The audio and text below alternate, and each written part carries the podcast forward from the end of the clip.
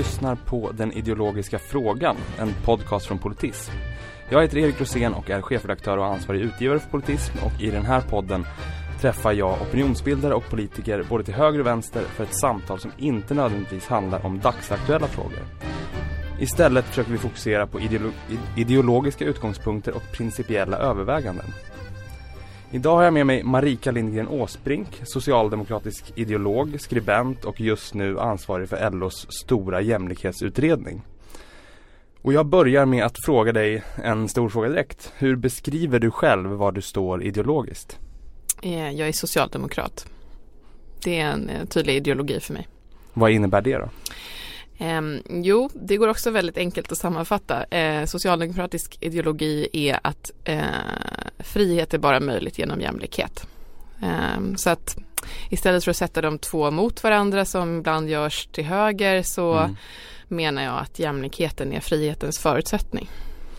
Eh, om, om man argumenterar från höger så ser man ju ofta just den motsättningen och tittar på eh, att individens frihet då eh, inskränks av att staten går in och styr och gör saker mer jämlikt och fokuserar på utfall snarare än förutsättning eller sådär. Eh, varför har högern fel i detta? Um, nej men dels har det att göra med att Alltså människor lever i ett samhälle, vi är beroende av varandra och det spelar roll vem vi är i förhållande till andra.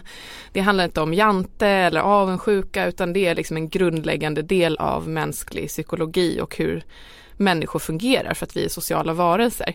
Eh, så det spelar roll vem man är i förhållande till andra, vilken status man har eller vilken eh, makt man har, vilka inkomster man har. Det är relativa frågor som spelar roll. Och om man har väldigt mycket mindre än någon annan så kommer man att vara mindre fri. Eh, så på det sättet så, alltså skillnaderna mellan människors livsvillkor kan inte vara speciellt stora. De behöver kanske inte vara exakt lika, det är ju liksom också ouppnåeligt. Mm. Men skillnaden kan inte vara stora för då kommer också vissas frihet att vara begränsad. Men är det en socialdemokratisk ideologisk strävan att de ska vara så små som det bara är möjligt? Eller ska de bara vara hyfsat små? Um, ja, jag har inget exakt svar på det men jag tycker absolut att det är en, en strävan mot eh, ja, så små skillnader som möjligt. Mm. Eh, vilka var de frågor som gjorde att du själv började engagera dig politiskt? Så jag har ingen så konkret sakfråga. Um, um, om jag ska försöka minnas, alltså egentligen så här, för jag blev eh, politiskt aktiv i vuxen ålder då som mm. student och um, um, egentligen så tror jag att mitt så här, politiska engagemang väcktes nog faktiskt när den här boken Fittstim kom. Mm. Um, det var väl slutet på 90-talet kanske.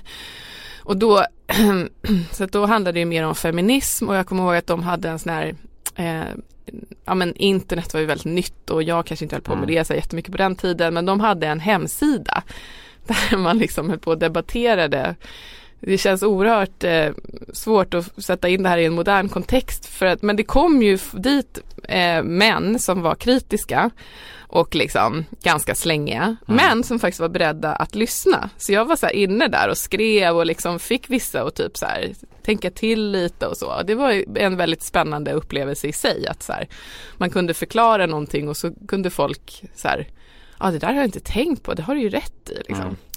Mm. Um, så att egentligen var det den typen av frågor som jag först så här, och det var ju inte ett partipolitiskt engagemang. Men eh, det var nog ändå någonstans där det började och sen tror jag faktiskt att med tid att jag själv började känna att eh, men jag, jag, tycker nog inte att liksom, jämställdhet eh, mellan män och kvinnor är den allra mest liksom, avgörande politiska frågan utan det finns större orättvisor i v samhället vilka idag. Vilka frågor är det som sätter ditt hjärta i brand idag då, i första hand? Men det handlar ju väldigt mycket om jämlikhet mm. eh, och det kan man ju Eh, det, det, kan ju ske på väldigt många olika nivåer. Alltså jämlikhet är ju också en fråga om eh, makt, mellan, alltså fördelning mellan eh, resurser mellan könen mm. exempelvis.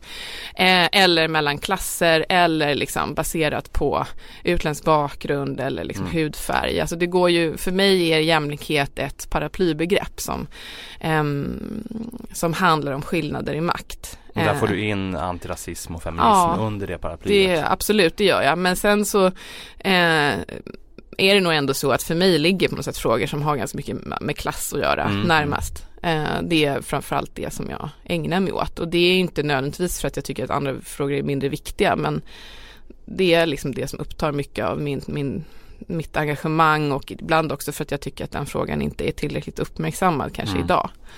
Eh, så. Jag tänker, apropå jämlikhet, du jobbar med LOs stora jämlikhetsutredning. Jämlikhet är en huvudfråga på LOs dagordning just nu. Det är en fråga som har sen finanskrisen egentligen blivit ganska central eh, i, ja, i hela västvärldens liksom, nationalekonomiska debatt och så vidare. Och, eh, för ett år sedan så gjorde LO en video som jag tycker var otroligt bra och intressant där Karl Petter Thorvaldsson, ordföranden, är väldigt självkritisk och säger, jag ska citera honom nu, han säger att Ojämlikheten har drivits på av högerpartier och starka ekonomiska intressen. Men även vi i arbetarrörelsen har ett ansvar. Även vi har drivit med tidens vindar, till och med när vindarna blåst högerut. Över hela Europa har partier till vänster gjort sig skyldiga till att klyftorna har ökat, även i Sverige, även vi. Jag har inte kunnat släppa det där för jag tycker att det är en sann och otroligt bra och uppriktig självkritik. Eh, och som beskriver var vi har hamnat och vilka problem vi står inför. Men jag tänkte att jag skulle fråga dig Vad är det som gjorde att arbetarrörelsen och socialdemokratin hamnade i en förnyelse som innebar ökade klyftor, ökad ojämlikhet och större skillnader mellan fattig och rik? Ja, alltså Ja Nej men eh, det, det, jag tror att det finns två svar och ehm, eh, det ena har ju att göra med arbetarrörelsen själv och att man kanske ibland har gjort felaktiga politiska val. Liksom. Um, därför att det har uppfattats som kostsamt på något sätt, politiskt kostsamt att um, vara mer radikal. Så det är det ena och det kan ju också relateras till någon slags tidsanda och vad som är så här modernt och mm. um, jag upplever ändå så här att liksom när jag var i tonåren på 90-talet så var det liksom oerhört stark högervind mm. och det handlade ju mycket om, på så många nivåer. Det var liksom både vad som är rätt, vad som är sant, vad som är vetenskap, men också vad som är häftigt och vad som är mm. liksom, och det var ju, men det är ju det i och för sig alltid, man kommer ju aldrig vara häftig som socialdemokrat. Eh, så det tror jag liksom att man ska släppa, att man ska vara eh, jag tycker att det är nästan ett självändamål att man ska vara lite mossig och tråkig liksom. Um, men i alla fall, eh, och det tror jag ändå att det spelar roll, liksom den tidsandan, att man försöker vara modern och mm. i det här skedet så var det moderna att vara någon slags höger och marknadskramare och så. Men sen finns det ju ett annat svar som kanske är tråkigare men som har att göra med att även om eh, Även om man har suttit i regering under många år så har man ju inte haft egen majoritet och det har blivit allt svårare att få ihop de där mm. majoriteterna så att man är ju faktiskt inte Alltså det hade, samhället hade naturligtvis sett annorlunda ut om vi hade haft 50 procent eh, under regeringen Persson också. Liksom. Mm. Eh, det är jag helt övertygad om. Eh, men vi har inte varit på de nivåerna. Nej men, det finns ju ändå en intressant motsättning där för så som du i ditt första svar egentligen beskriver socialdemokratisk ideologi och sen har man ett, ett utfall under mm. flera decennier som mm. går emot det. Mm.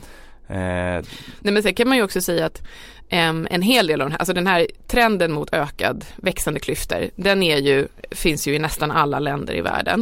Uh, det finns ett fåtal länder i Sydamerika som har gått åt andra hållet men de har ju å andra sidan haft väldigt höga klyftor från början. Och det betyder ju att det är väldigt starka mekanismer som är större än ett enskilt land mm. liksom, som, som, är i, i, som verkar. Och då tror jag ändå att Alltså det handlar ju också om att även om man kanske har velat motverka detta så har man kanske inte vetat hur man ska göra det eller mm. vad som faktiskt är ett verkningsfullt, en verkningsfull åtgärd för att liksom motverka de här växande, växande klyftorna. Det kanske beror på saker som inte har funnits tidigare så att säga.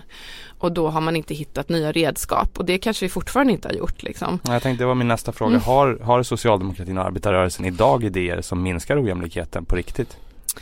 Eh, inte i, i, grunden skulle jag säga. Eh, absolut minskar, eh, man kan ju få klyftorna att minska. Men ehm, ehm, det krävs förstås väldigt omfattande åtgärder för att på riktigt vända den här utvecklingen. Um, och också så här att ojämlikhet, alltså jämlikhet är ju någonting instabilt. Mm. Eh, det finns ju flera av de här uppför, uppmärksammade Alltså jäm, ojämlikheten har ju uppmärksammats som fråga väldigt mycket, Piketty, eh, men också eh, ja, flera andra som säger, alltså det, det, som pekar på, jag har tappat hans namn, men det finns ju en forskare, en, en person som skrev en bok om, alltså, och det kom egentligen från Piketty från början tror jag, att det är ju nästan bara krig och katastrofer som har uppnått jämlikhet. Um, um, och det där kan man ju se på olika sätt men, men eh, jag tror att en tolkning av det, det är inte så här deterministiskt att liksom krig är det enda som kan åstadkomma jämlikhet. Det tror jag överhuvudtaget inte på. Men det, dyster. Ja det är väldigt dystert och det tror jag inte är sant. Liksom.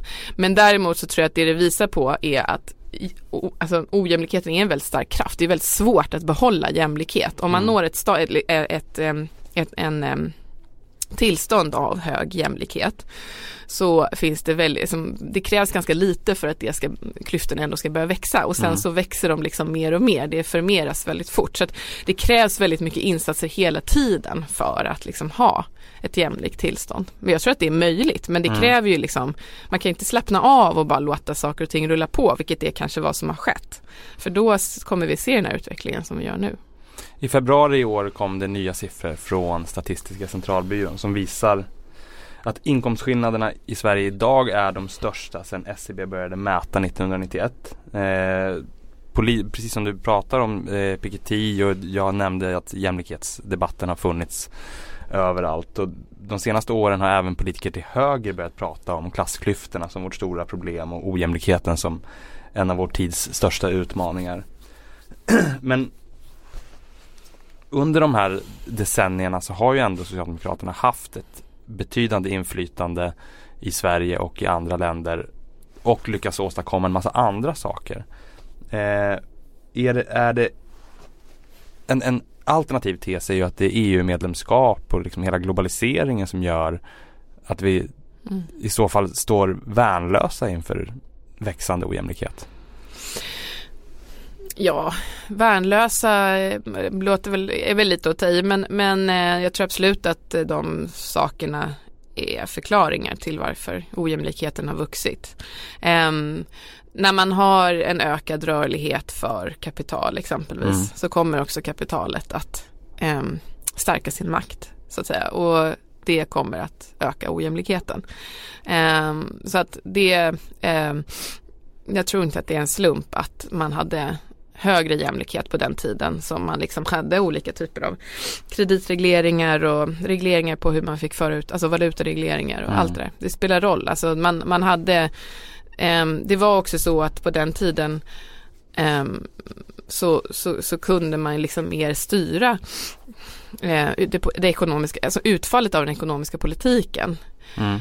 Um, när man satt på 80-talet på Finansdepartementet så var det i princip möjligt att liksom skruva på lite olika variabler. Eh, du vet så här, om vi gör lite mer expansiv finanspolitik här så kommer det få den här effekten på arbetslösheten mm. och så man kontrollerade liksom det för det var ett mer slutet system. Eh, och så är det inte idag. Alltså det är klart att det spelar roll vad man gör på Finansdepartementet idag men eh, det är väldigt mycket mer, eh, liksom, det försvinner, man måste göra mycket mer som får mycket mindre effekt så att mm. säga. Eh, på grund av att ja, man har inte sammanslutna system idag.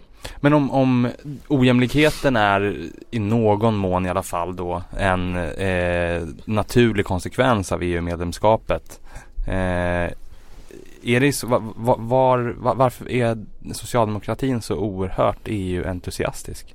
Alltså jag vet inte om ojämlikheten är en, eh, egentligen har mest med EU att göra. Jag tänker mer på liksom globalisering och eh, de här ökade rörligheten liksom internationellt eh, mm. för eh, kapital exempelvis. Um, i, alltså vad som är EU-medlemskapet, um, det, det kan jag inte isolera. Uh, i sig. Eh, jag kan formulera om frågan. Ja. Vad i EU-samarbetet är det som möjliggör eh, socialdemokratisk ett, ett genomslag för socialdemokratisk ideologi? Ja, det var en svår fråga. Alltså jag tror ju att EU-medlemskap är någonting positivt därför att Europa som område behöver liksom eh, samarbeta av många skäl. Det är bra för länderna i Europa men det handlar också om att så här, vi är ett ganska litet område i världen och vi är mm. ett område som blir allt mindre viktigt när andra regioner växer och då tror jag att det finns ett stort värde i att man liksom ändå samarbetar för att ett, ett enskilt land i liksom hela, alltså så här, Sverige med 10 miljoner är ingenting i hela världen. Nej, nej. Eh, men att man ändå så här, så att då finns det sådana värden, det kanske inte är framförallt av liksom socialdemokratiska skäl men, eh, men så här, den europeiska modellen, om man nu kan prata om sån, är ju ändå eh, på många sätt väldigt sympatisk. Även om liksom naturligtvis finns stora skillnader inom Europa mm. så är det ju så här, den, liksom, den demokratiska modell och ändå någorlunda grad av socialt skydd som finns i europeiska länder är ju eh, ändå så här, bättre än typ alla andra samhällsmodeller eh, skulle jag säga som jag har sett i, i världen idag. Liksom. Eh, och där finns ju någonting att utveckla så att säga. Mm. Eh, men sen är det naturligtvis så att ehm, eh, eh, jag tror att inslag i eh, i EU-samarbetet eh, som det ser ut. Um, det är klart att det är, mycket är ju designat för marknaden mm. och mycket går de facto ut över i alla fall enskilda grupper i Sverige som har liksom eh, kanske lägre inkomster. Alltså den, eh, det tror jag absolut att det eh, spelar roll. Att man liksom kan se en, eh, man kan få en press neråt på lönerna av vissa EU-regler. Um, Har man varit för dålig på att beskriva det här i Sverige? Ja, alltså framförallt så gissar jag att människor upplever att det blir för tekniskt och också lite så här, alltså det är väldigt lätt att känna att ja men det går inte att göra något åt då. Mm. Och det ligger ju någonting i, alltså det är ju mm. ett problem. Alltså ett väldigt stort problem med EU mm. är ju att eftersom besluten såklart liksom flyttar upp en nivå så blir det också längre från människorna och mm. då har människorna, det, det, är ju ingenting som gynnar liksom ett demokratiskt deltagande eller eh, tillit till politiken eller liksom, utan kanske börja vända sig efter andra lösningar eh, som inte är särskilt aptitliga. Eh, det är absolut ett problem. Nej, men jag kommer in lite på det här för att du och stora delar av socialdemokratin, men du, du, har argumenterat ofta för hur viktig nationalstaten är för att socialdemokratins idéer mm. ska vara praktiskt genomförbara tror jag att du har formulerat som. Eh, på många sätt håller jag med om det men om, om vi har 40% av alla propositioner som läggs fram i riksdagen handlar egentligen om att bara klubba igenom saker som redan är eh, beslutade på EU-nivå. Och mellan 60 och 70 procent av all ny svensk lagstiftning kommer från EU. Eh, har vi en svensk nationalstat idag? Nej men jag skulle nog, nej och jag tror att det är, eh, eller så här, jo det är klart att vi har men, men eh, eh, när jag pratade om det här slutna systemet tidigare så eh, det här är ju ett skäl till att man faktiskt inte äger riktigt så här, de politiska redskapen i mm. sitt eget land och då får inte heller den genomförda politiken samma effekt som den hade tidigare när eh, både, alltså man hade mer maktmedel så att säga i Sverige tidigare och det fanns inte samma liksom läckage eller så här ut, utanför gränserna. Mm. Um, så att um, um, nej men jag tror att det är en, en den, den eh, försvagning av liksom nationalstaten som har skett både med globaliseringen och kanske också med EU-samarbetet har, är en bidragande orsak till eh, växande klyftor exempelvis mm. och sen också en bidragande orsak till att människor kanske inte eh, Alltså till, till en del av den ganska destruktiva politiska utveckling som vi ser där liksom väldigt många vänder sig till eh, Eh, den, alltså, så destruktiva politiska mm. krafter. Mm. Att SDs fram, framväxt och så. Mm. Mm. Men jag tycker det är så intressant för jag, jag, jag vacklar själv eh, väldigt mycket i de här mm. frågorna. Eh, å ena sidan tycker jag inte att det är så intressant att diskutera något, ett svenskt utträde eller sådär för det är liksom inte aktuellt utan det är mer intressant att diskutera vad man gör av situationen och vad man nu inte kan göra. Mm. Eh, och det finns ju en argumentation från vänster som handlar om att om vi nu är en del av EU-samarbetet, om vi nu har försvagat nationalstaten så mycket Måste vi då inte flytta ännu mer makt dit? Måste vi inte reglera finanskapitalet på EU-nivå? Måste vi inte införa gemensamma socialförsäkringar på EU-nivå? Mm. Eh, om vi ändå är med, och det är vi ju, måste vi inte flytta mer makt för att få till högre lägstanivåer på skatter och socialpolitik? Ja, alltså jag tror ju inte på det eftersom jag inte tror att, alltså Sverige är ju ändå extremt i Europa vad gäller liksom socialförsäkringar och mm, skattenivåer mm. och allt möjligt och det är liksom inte realistiskt att tro att vi kommer få med oss hela Europa på eh, och, och, många, många av de andra EU-medlemmarna har liksom inte samhällen där det överhuvudtaget är möjligt på något sätt. Um, så av det skälet så tror jag, det är väl egentligen det främsta skälet till att jag inte tror på den idén.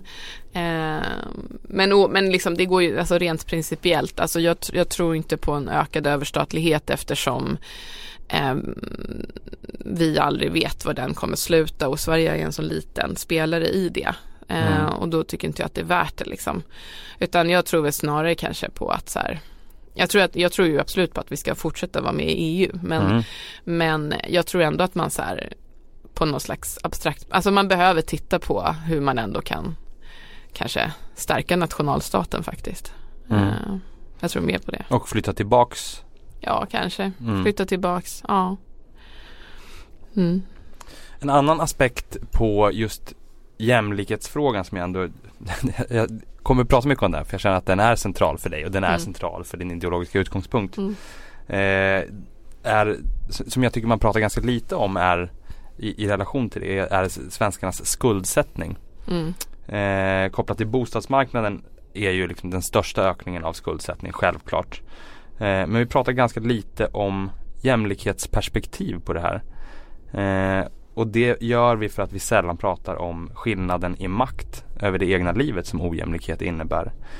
Eh, in, med anledning av just finanskrisen eh, och hur det var uppbyggt i USA så skrev Paul Krugman i sin bok Bankrutt om det här och förklarade att ojämlikhet leder till för stor konsumtion snarare än för liten och mer specifikt att ökade inkomstklyftor får de som kommit på efterkälken att dra på sig för stora skulder. Mm. Enorma skulder och små marginaler ger förstås också mindre makt att styra över sitt eget liv. Mm. Varför finns inte den här aspekten i svensk jämlikhetsdebatt? Har vi, har vi glömt Marx? Ja men det har vi nog lite grann gjort, absolut. Ehm, det alltså den här kopplingen till hur materiella resurser spelar roll saknar jag ju ofta i liksom vänstern i bred bemärkelse i Sverige. Ehm, men alltså, ehm, nej men jag vet inte, alltså jag tror att i internationellt Eh, och inte minst i USA så finns det ju väldigt tydligt den kopplingen tycker jag som Krugman gör att eh, Alltså, och det tror jag så här, i grunden handlar om att också att människor accepterar liksom inte växande ojämlikhet Nej, hur stor som helst. Eh, och framförallt inte den amerikanska varianten där väldigt stora människor de facto har stått stilla, alltså mm. har exakt samma levnadsnivå som de hade för kanske 40 år sedan mm. och vissa till och med sämre. Så ser det ju inte ut i Sverige men, men i USA är det så och också i en del andra länder finns det likartade tendenser. Men vi har en extremt eskalerande skuldsättning. Eh, ja precis och då är det ett svar på det. Alltså när man ändå har en tillväxt i ett land, vilket man ju har haft liksom mm. i hela världen, men nästan allting tillfaller de rikaste. Då kommer ju inte de som blir lämnade på efterkälken att acceptera det. Och ett svar har varit att istället då öka sin skuldsättning och mm. använda det till konsumtion. Och det är absolut det som har sett i, i USA. Alltså så här, i Sverige så har vi väl inte sett det exakt på samma sätt och inte minst av skälet att folk har ju faktiskt, alltså vi har ju haft reallöneökningar. Mm. Eh, så folk har ju inte i alla fall fått det liksom absolut sämre och de har inte heller stått stilla. Ja, men, för många har ju gjort jättebra affärer såklart också ja. i, tack vare sin skuldsättning och sådär. Men, men det finns ju en aspekt där tycker jag som är jätteintressant mm. Eh, kring hur den vanliga medelklassen får egentligen eh, mindre svängrum och mindre makt över sitt eget liv för mm. att de plötsligt har 6, 7, 4, 5 miljoner i skulder.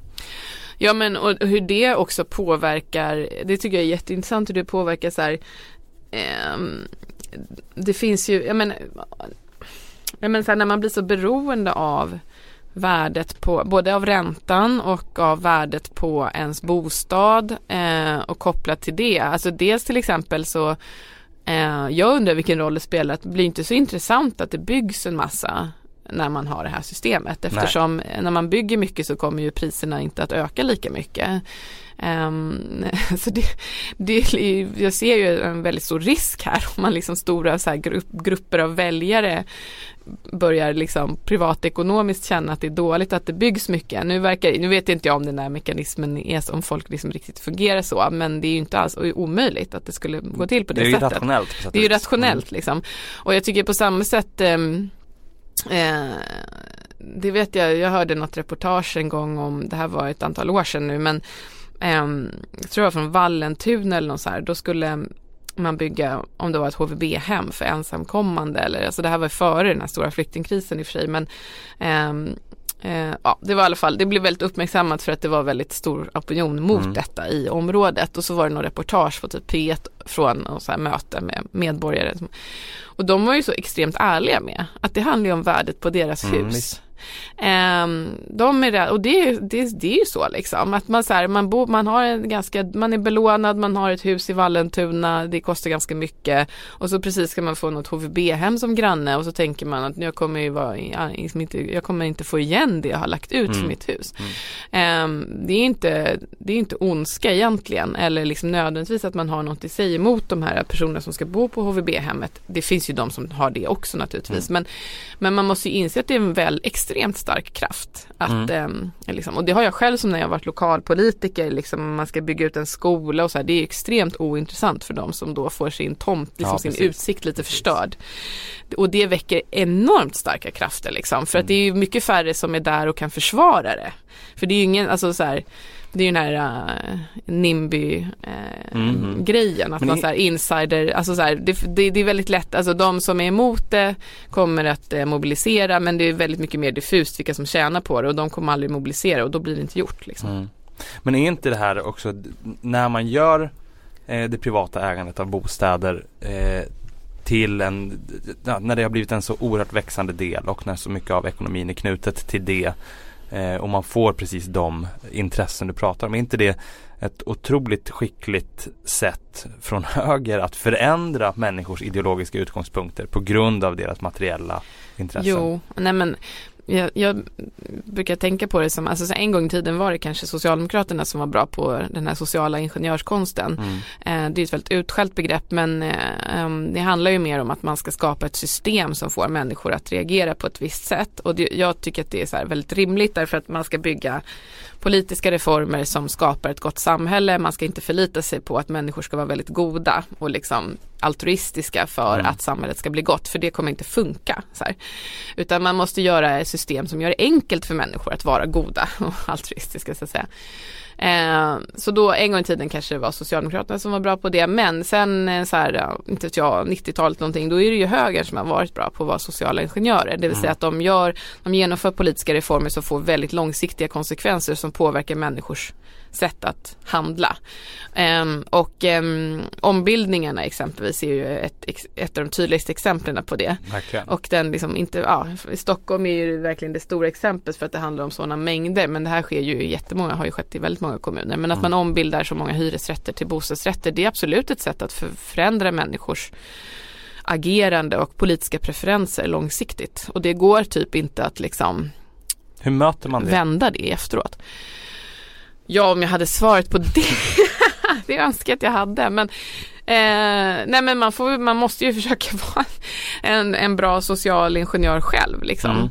Mm. Eh, Eh, nej men här, till exempel genom att bygga mycket är ju ändå något svar. Mm. Men sen så tycker jag absolut att man både i kommuner och liksom nationellt som S-politiker borde ju verkligen tänka väldigt mycket på upplåtelseformerna mm. i det man bygger. Eh, och att det finns, eh, det, är, det är extremt viktigt att ha en hög andel hyresrätter i det man bygger. Mm. Eh, så det är ju ett sätt liksom. Ja nej, men för här är en, en fundering jag har för att jag Ur mitt perspektiv så uppfattar jag socialdemokratin av idag som inte särskilt ideologiskt strategisk på det sättet. Mm. Man kan kalla det social ingenjörskonst mm. eller vad man nu vill.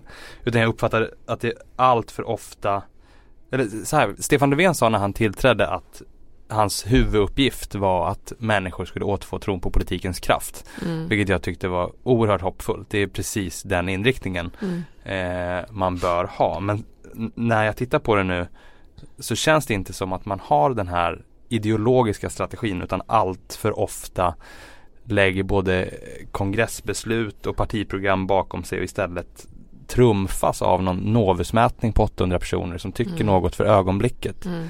Kan, man, kan man förändra samhället på det sättet? jo men det, det kan man absolut men jag håller ju med dig om att man inte gör tillräckligt mycket av det här långsiktiga arbetet. Eh, och eh, det, ja, det är svårt att vara långsiktig i politiken. Det gäller nog alla liksom och det gäller definitivt i en väldigt osäker parlamentarisk situation. Mm. Ehm, jag tror ändå så här att man, det, det, finns ju ett väldigt, alltså Sverige är ju väldigt speciellt eftersom ett parti har varit så dominerande under så lång tid och eh, det kan man tycka vad man vill om men jag tror ändå att man så får se att den långsiktigheten i sig har också medfört att man ibland har, alltså dels har man orkat tänka väldigt långsiktigt. Mm. Man kunde ha de här liksom statliga utredningarna som kunde jobba i flera mandatperioder. Det känns ju helt världsfrånvänt idag liksom, i dagens politiska kontext. Men det gick att göra det liksom. De kunde få sitta där och jobba på i några år. Det kanske inte alltid blev bra i och för sig för det men liksom det var ett annat sätt att ta sig an problemen men det betydde ju också att man faktiskt orkade ibland fatta obekväma beslut. Mm. Alltså man kände sig så säker på att man skulle sitta där nästa år efter nästa val igen eller, mm. eller åtminstone mm, om man förlorar någon gång så skulle man komma tillbaka nästa. Alltså man kommer så här, åtminstone ha ja, 15 av de 20 kommande åren kanske. Ja men så här, men jag, jag, föreställer mig i alla fall att det verkligen bidrog till att man orkade fatta en del obekväma beslut och det är också en del av politiken. Mm. Och idag orkar man nog inte göra det. Det gäller inte bara S utan det gäller alla partier. Mm. Och det är ett allvarligt problem för det betyder att en massa svåra samhällsproblem inte tas itu med därför att det finns en massa samhällsproblem som inte har några väldigt tacksamma lösningar. Mm. Kanske ännu mer idag än förr liksom. Eh, och det är en väldigt svår situation. Men det har att göra med hur människor svarar också. Så, så här, det är inte bara politikernas fel, jag tycker man lätt hamnar där. Mm. Men det har att göra med, ja, men vad, så här, vad, hur svarar folk då? Hur svarar väljarna? Nej men de vill ju inte ha de här obekväma besluten. Nej. Det måste man ju också inse att det är det det handlar om i slutändan. Mm. Men sen så här, förstärks det här av hela så här mediala, liksom det går så snabbt och snabb bevakning och kortsiktiga vinster och så. Men ehm, Nej, men alltså det, men, och det är ett problem också därför att jag tror så här om man ska tänka rent partistrategiskt så eh, finns det ju vissa saker, alltså när, om, man liksom for, om, man, om man accepterar att ojämlikheten ökar eller inte gör tillräckligt mycket åt den i alla fall så är ju det även rent partistrategiskt dåligt för Socialdemokraterna. Mm. För att jag är liksom jag är, det finns en hel del forskning som pekar på att liksom med ökad jämlikhet så eh, med ökad ojämlikhet så, så minskar liksom efterfrågan också på den här sortens partier, alltså mm. för vänsterpartier. Eh, så att eh, så här, rent, e av rent egenintresse för att överleva som parti så, eh, så tror jag att man kanske behöver tänka på den saken också. Millions of people have lost weight with personalized plans from Noom. Like Evan, who can't stand salads and still lost 50 pounds. Salads generally for most people are the easy button, right? For me, that wasn't an option. I never really was a salad guy. That's just not who I am. But Noom worked for me. Get your personalized plan today at Noom.com. Real Noom user compensated to provide their story. In four weeks, the typical Noom user can expect to lose one to two pounds per week. Individual results may vary. Apropå det kortsiktiga och det här. Du har också skrivit i Dagens Samhälle förra året att det är ett problem att politiken formar smarta människor till talepunktsmaskiner. Mm. Eh, jag delar den uppfattningen till 100% ja. och det är en av anledningarna till att jag ville starta den här podden. Men jag tror inte att jag kan vända hela utvecklingen här tyvärr. Så hur, hur, gör vi för att få ett mer dynamiskt politiskt samtal och komma bort från talepunktsmaskineriet? Men på ett sätt så tror jag att utrymmet kanske ändå är lite större för enskilda politiker att gå utanför eh, det här talepunktsmaskineriet eh, och att man skulle kunna vinna mycket på det. Men det finns ju i alla fall sådana exempel på när någon så går igenom rutan och blir väldigt populär för det. Men alltså samtidigt får man inse att det är en väldigt riskabel strategi för det kan också slå tillbaka väldigt snabbt och Alltså jag tycker att det är lite svårt för återigen, det här är också någonting som så här, människor älskar att slå på politiker för. Varför står du bara där som en talepunktsmaskin eller varför pratar du inte som man förstår eller varför säger inte politiker något intressant överhuvudtaget. Uh, ja men det är ju för att liksom ni människor, alla medborgare, vi liksom, mm. reagerar så sjukt negativt när någon går utanför den där lilla rutan. Eh, så fort man, om man säger lite fel eller om man provpratar lite grann eh, så blir man jättehårt straffad för det.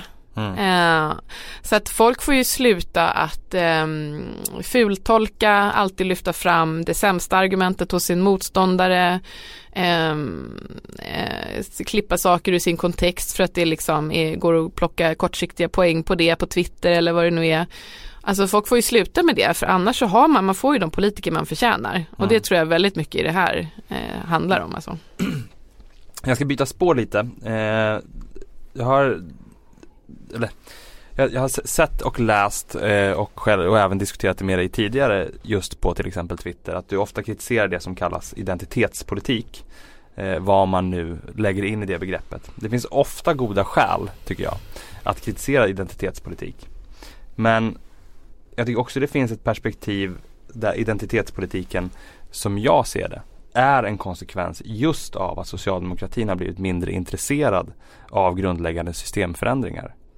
Då organiserar sig mindre grupper i sin kamp inom systemet istället för att bli en del av en systemförändring. Och när de dessutom är framgångsrika som eh, hbtq-rörelsen, homosexuellas rättigheter, transaktivismen och så vidare. Där de kanske är det enda exemplet som har liksom fått de riktigt stora progressiva förändringarna under de senaste 20-30 åren. Antidiskrimineringskamp och så vidare. Eh, det här sker samtidigt som en systemförändrade vänsterpolitik nästan helt lyser med sin frånvaro. Och jag uppfattar det, det blir en anklagelseakt här. Jag uppfattar det som att det är socialdemokratin som har banat väg för det här. Har jag fel? Ja, jag tycker att det är fel analys faktiskt. Alltså man kan mycket, man kan beskylla S för mycket men eh, det här tycker jag, alltså jag ser ju identitetspolitik som en väldigt individualistisk rörelse. Och det kommer någon annanstans ifrån än liksom socialdemokratin. Det är nog mer en allmän så här, tidsanda och liksom tidsutveckling som är väldigt individualistisk. Och då har det här blivit någon slags vänstersvar på den här individualismen. Man tänker väldigt mycket på vem är jag? Eh, man tänker på rättigheter istället för systemförändring. Man tänker på ehm, Eh, ja, och sen också en... Men, men en tidsanda kommer ju av någonting. Och om ingen erbjuder ja. en systemförändring och man istället hänvisas till individualismen så organiserar man sig i eh, tillsammans med andra individer som delar samma identitet och så lyckas man åstadkomma stora förändringar. Då kommer ju, och det finns mm. fortfarande mm. ingen som erbjuder en systemförändrande politik i grunden. Hur ska, hur ska man då komma bort från det? Nej men jag tror att eh, alltså så här, jag tror att identitetspolitiken är också Alltså jag vet inte om jag håller med om att man har uppnått stora förändringar. HBTQ är väl möjligen då ett, en sorts undantag. Men det, fast alltså så här, samtidigt så många av de landvinningar som hbtq-rörelsen har gjort är ju väldigt för mig liksom materiella. Då pratar jag kanske inte materiella i termer av resurser nödvändigtvis men men, men materiella i form av, form av lagstiftning exempelvis. Mm. Mm. Liksom, eh, rätt att gifta sig. Det är en väldigt så här, konkret lagstiftning, alltså det har varit en, en uppenbar orättvisa som har liksom mm. varit fast men det, men det är fortfarande en antidiskriminerings... Det är en antidiskrimineringsansats och det, eh, det har jag ingenting emot i sig. Alltså det är klart att liksom lagarna ska inte diskriminera. Mm. Det tycker jag är liksom självklart. Eh, men sen så eh, men jag ser väl ändå väldigt mycket av dagens identitetspolitik har ju inte ens den ambitionen utan det handlar ju för mig mer om symboler och eh, men däremot vad, vad skulle så, kunna vara ett exempel som du tänker på då, som skiljer sig från de exempel jag tar? Nej men eh, en hel, det finns ju en, en lite så konsumentpolitiskt inslag som jag uppfattar mm. som ganska stort. Att man liksom ogillar eh, och det är inte för att jag säger att det är oviktigt, så här, det är klart att det spelar roll hur, liksom, hur någon framställs, alltså så här, hur liksom har man godis med nidbilder av svarta typ, då är det klart att det spelar roll. Men mm. samtidigt så kanske det inte är den allra största politiska frågan. Men däremot så är det ändå någonstans möjligt att åstadkomma en förändring. Alltså mm. man, genom att mobilisera så kanske man kan få ett företag att ta bort den här, liksom den här äh, rasistiska stereotypen mm. på, sitt, eh, på sitt omslag. Och det tycker jag är liksom jag har absolut inget emot det. Nej, nej, Men däremot så har jag svårt att se det som en väldigt viktig politisk kamp om jag liksom sätter in så här, om jag tittar mm. på hela samhället. Och jag, alltså jag ser inte heller därmed som en jättestor vinst liksom, utan man måste ju kanske, det är andra saker man behöver ta sig an för att verkligen skapa riktig rättvisa och riktig jämlikhet mm. så att mm. säga. Men det är ändå så här, det, det, då har, jag, jag förstår det på ett sätt därför att det, man har brutit ner det till någonting som är möjligt att göra. Mm. Det är ju konkret och man kan få med sig folk och man kanske då faktiskt också kan känna att man har vunnit en seger, vilket mm. man ju har. Men, och det är ju trevligt liksom. Men har det verkligen förändrat jättemycket på det stora hela? Det är jag lite mer tveksam till. Mm, nej men jag, och jag håller verkligen med dig om mycket. Mm. Men jag, menar att, att motkraften till detta måste ju då vara någonting annat än eh, en socialdemokrati. Och då menar jag inte just i Sverige utan mm. över hela Europa. Mm. Som får se sig besegrade av och säga att nej men det kommer inkomstskillnaderna växer även mm. när vi styr. Så här är det nu för tiden. Jo, eh, nej, men då, då, är det ganska alltså, naturligt det rationellt mm. att röra sig mot mm. andra eh, typer av organisering. Nej men det är det väl eh, å ena sidan, å andra sidan är ju också den, alltså alla män, alltså den, den uteblivna organisering då mot systemförändring, mm, den mm. är ju, det är inte som att liksom bara de som råkar vara medlemmar i Socialdemokraterna är skyldiga att göra detta, utan det ligger ju på var och en liksom. Mm. Att, så här, och, och det är ju så, inte minst folkrörelsepartier, ett folkrörelseparti som Socialdemokraterna bygger på att människor går, går in där och själva vill förändra så att säga. Sen kan det finnas en massa partistrukturer som gör att det inte mm. kanske riktigt funkar idag och det kan jag tycka är problematiskt. Men, men eh, det är inte som att, alltså jag tycker ändå så här, då har ju var och en ett ansvar att istället försöka om man nu vill ha systemförändring så måste man ju själv vara en del av det. Man kan ju inte mm. förvänta sig att någon annan ska göra det. Liksom. Mm. Nej men jag, ja, jag håller med dig väldigt mycket om detta men, men menar ändå att inte bara socialdemokratin kanske utan våra politiska partier kan vi sammanfatta det till har, bär en stor skuld för detta. Ja men sen tror jag att det också finns en, en det finns möjligen en aspekt som vissa brukar lyfta fram som säger att samhället faktiskt har blivit mer komplext. Och det kanske folk alltid har tyckt men jag tror att det faktiskt kan ligga någonting i det. Eh, och det gör att det kanske faktiskt också är svårare att hitta de här mm. systemförändrade sakerna som går att göra så att säga. Eh, och på ett sätt kan man ju förstå, alltså om man till exempel eh, om man nu, om man, om man vill engagera sig antirasistiskt eller om man vill engagera sig liksom eh, feministiskt och lagarna någonstans redan får, finns på plats. Det kan eller man för självklart. svenska värderingar till exempel. Eller för svenska värderingar. Mm. Ja, ja men, alltså, men, men, men jag menar så här, alltså, grejen är så här, man kanske har kommit så långt på vissa områden som man kan göra juridiskt. Mm. Men det betyder ju inte att orättvisorna i samhället har upphört. Och då eh, är det svårare mm. skulle jag säga. Så här, då, då, då är det svårare att hitta vad är det man ska göra för att förändra människors sätt att leva liksom. Att sluta vara rasister. Så mm. Ehm, eh, och då ibland kanske man hamnar där liksom. Så att någonstans, eh, han, jag tror att också att det är ett svar på att faktiskt politiken har blivit svårare. Mm. Eh, så. Det har blivit mm. svårare att hitta de här till exempel systemförändrande ja, reformerna. Då känner jag att du ändå delvis ställer upp på min problembeskrivning där. Eh, delvis. delvis eh, en av de frågor jag grubblar mest över och som jag ser som de absolut mest centrala eh, är klimatfrågan. Det är det största hotet mot mänskligheten som vi ser framför oss. Det har en extremt tydlig ekonomisk dimension. Klimatförändringar slår hårdast mot fattiga globalt sett. Det slår hårdast mot fattiga i eh, varje land. Det har extrem påverkan på framtida krig, konflikter, flyktingströmmar mm. och samtidigt erbjuder klimatfrågan som jag ser det just eh, ett tillfälle för den här nödvändiga omställningen och nödvändiga systemförändringar, en möjlighet att ändra ekonomin i grunden. Mm. Eh, och nu sitter jag här med en av socialdemokratins tunga ideologiska röster som jobbat med både kriskommissionen och varit med och skrivit partiprogrammet. Och har när jag researchat det här insett att jag tror aldrig att jag har läst någonting där du överhuvudtaget berör klimatfrågan. Eh, för mig är det väldigt paradoxalt eftersom jag ser det som en av de viktigaste jämlikhetsfrågorna också. Men det stämmer, om jag får bara säga, det stämmer inte riktigt för jag skrev en del om det, det finns ju med i partiprogrammet och då skrev jag lite grann i samband med det också så här artiklar som knyter ihop eh, eh, varför, ja, knyter ihop det med de andra utmaningarna. Mm. Och eh, eh, eh,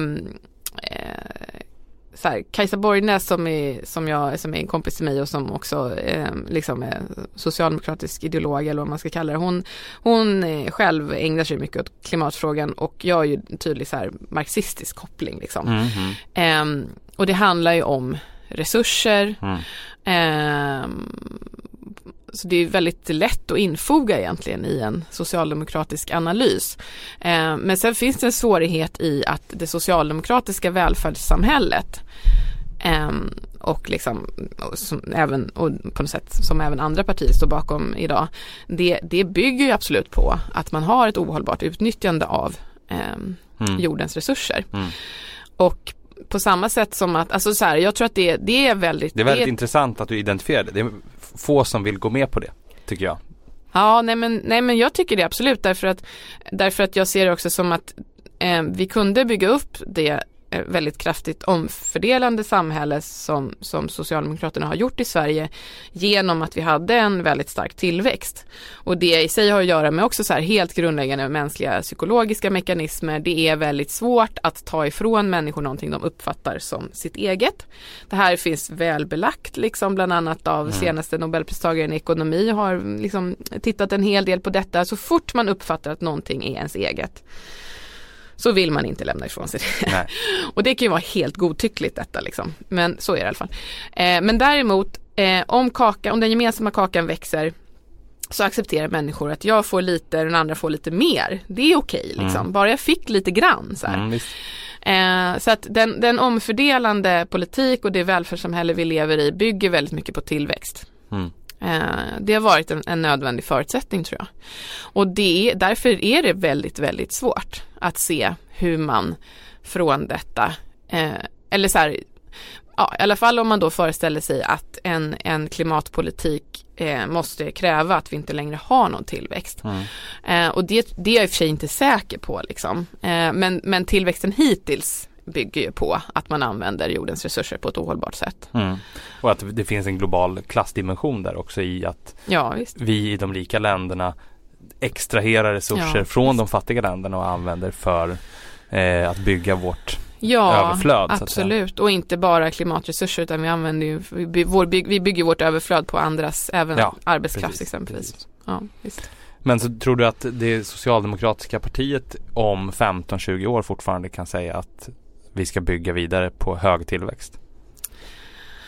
Alltså tillväxten, ja, nej men jag tror inte, jag tror, ja. Nej men jag tror att man måste försöka eh, eh, hitta en hållbar tillväxt. Eh, jag, och jag tycker ändå inte att det är tillräckligt att vi än så länge kan ge upp den idén. Liksom. Eh, utan att vi måste försöka hitta teknologi och metoder och liksom mm. utveckling som gör att vi trots allt kan ha en tillväxt men som inte liksom baseras på eh, fossila eh, eh, ja, fossilt bränsle och så vidare. Men, men, men eh, ja, men det, det får vi väl se liksom. Mm. Det, det, det vet vi inte. Den som lever får se helt mm. enkelt. Eh, men vi, med, med, det så ska jag tacka så otroligt mycket för att du kom hit. Det var väldigt intressant. Tack, det var roligt. Tack. Mm.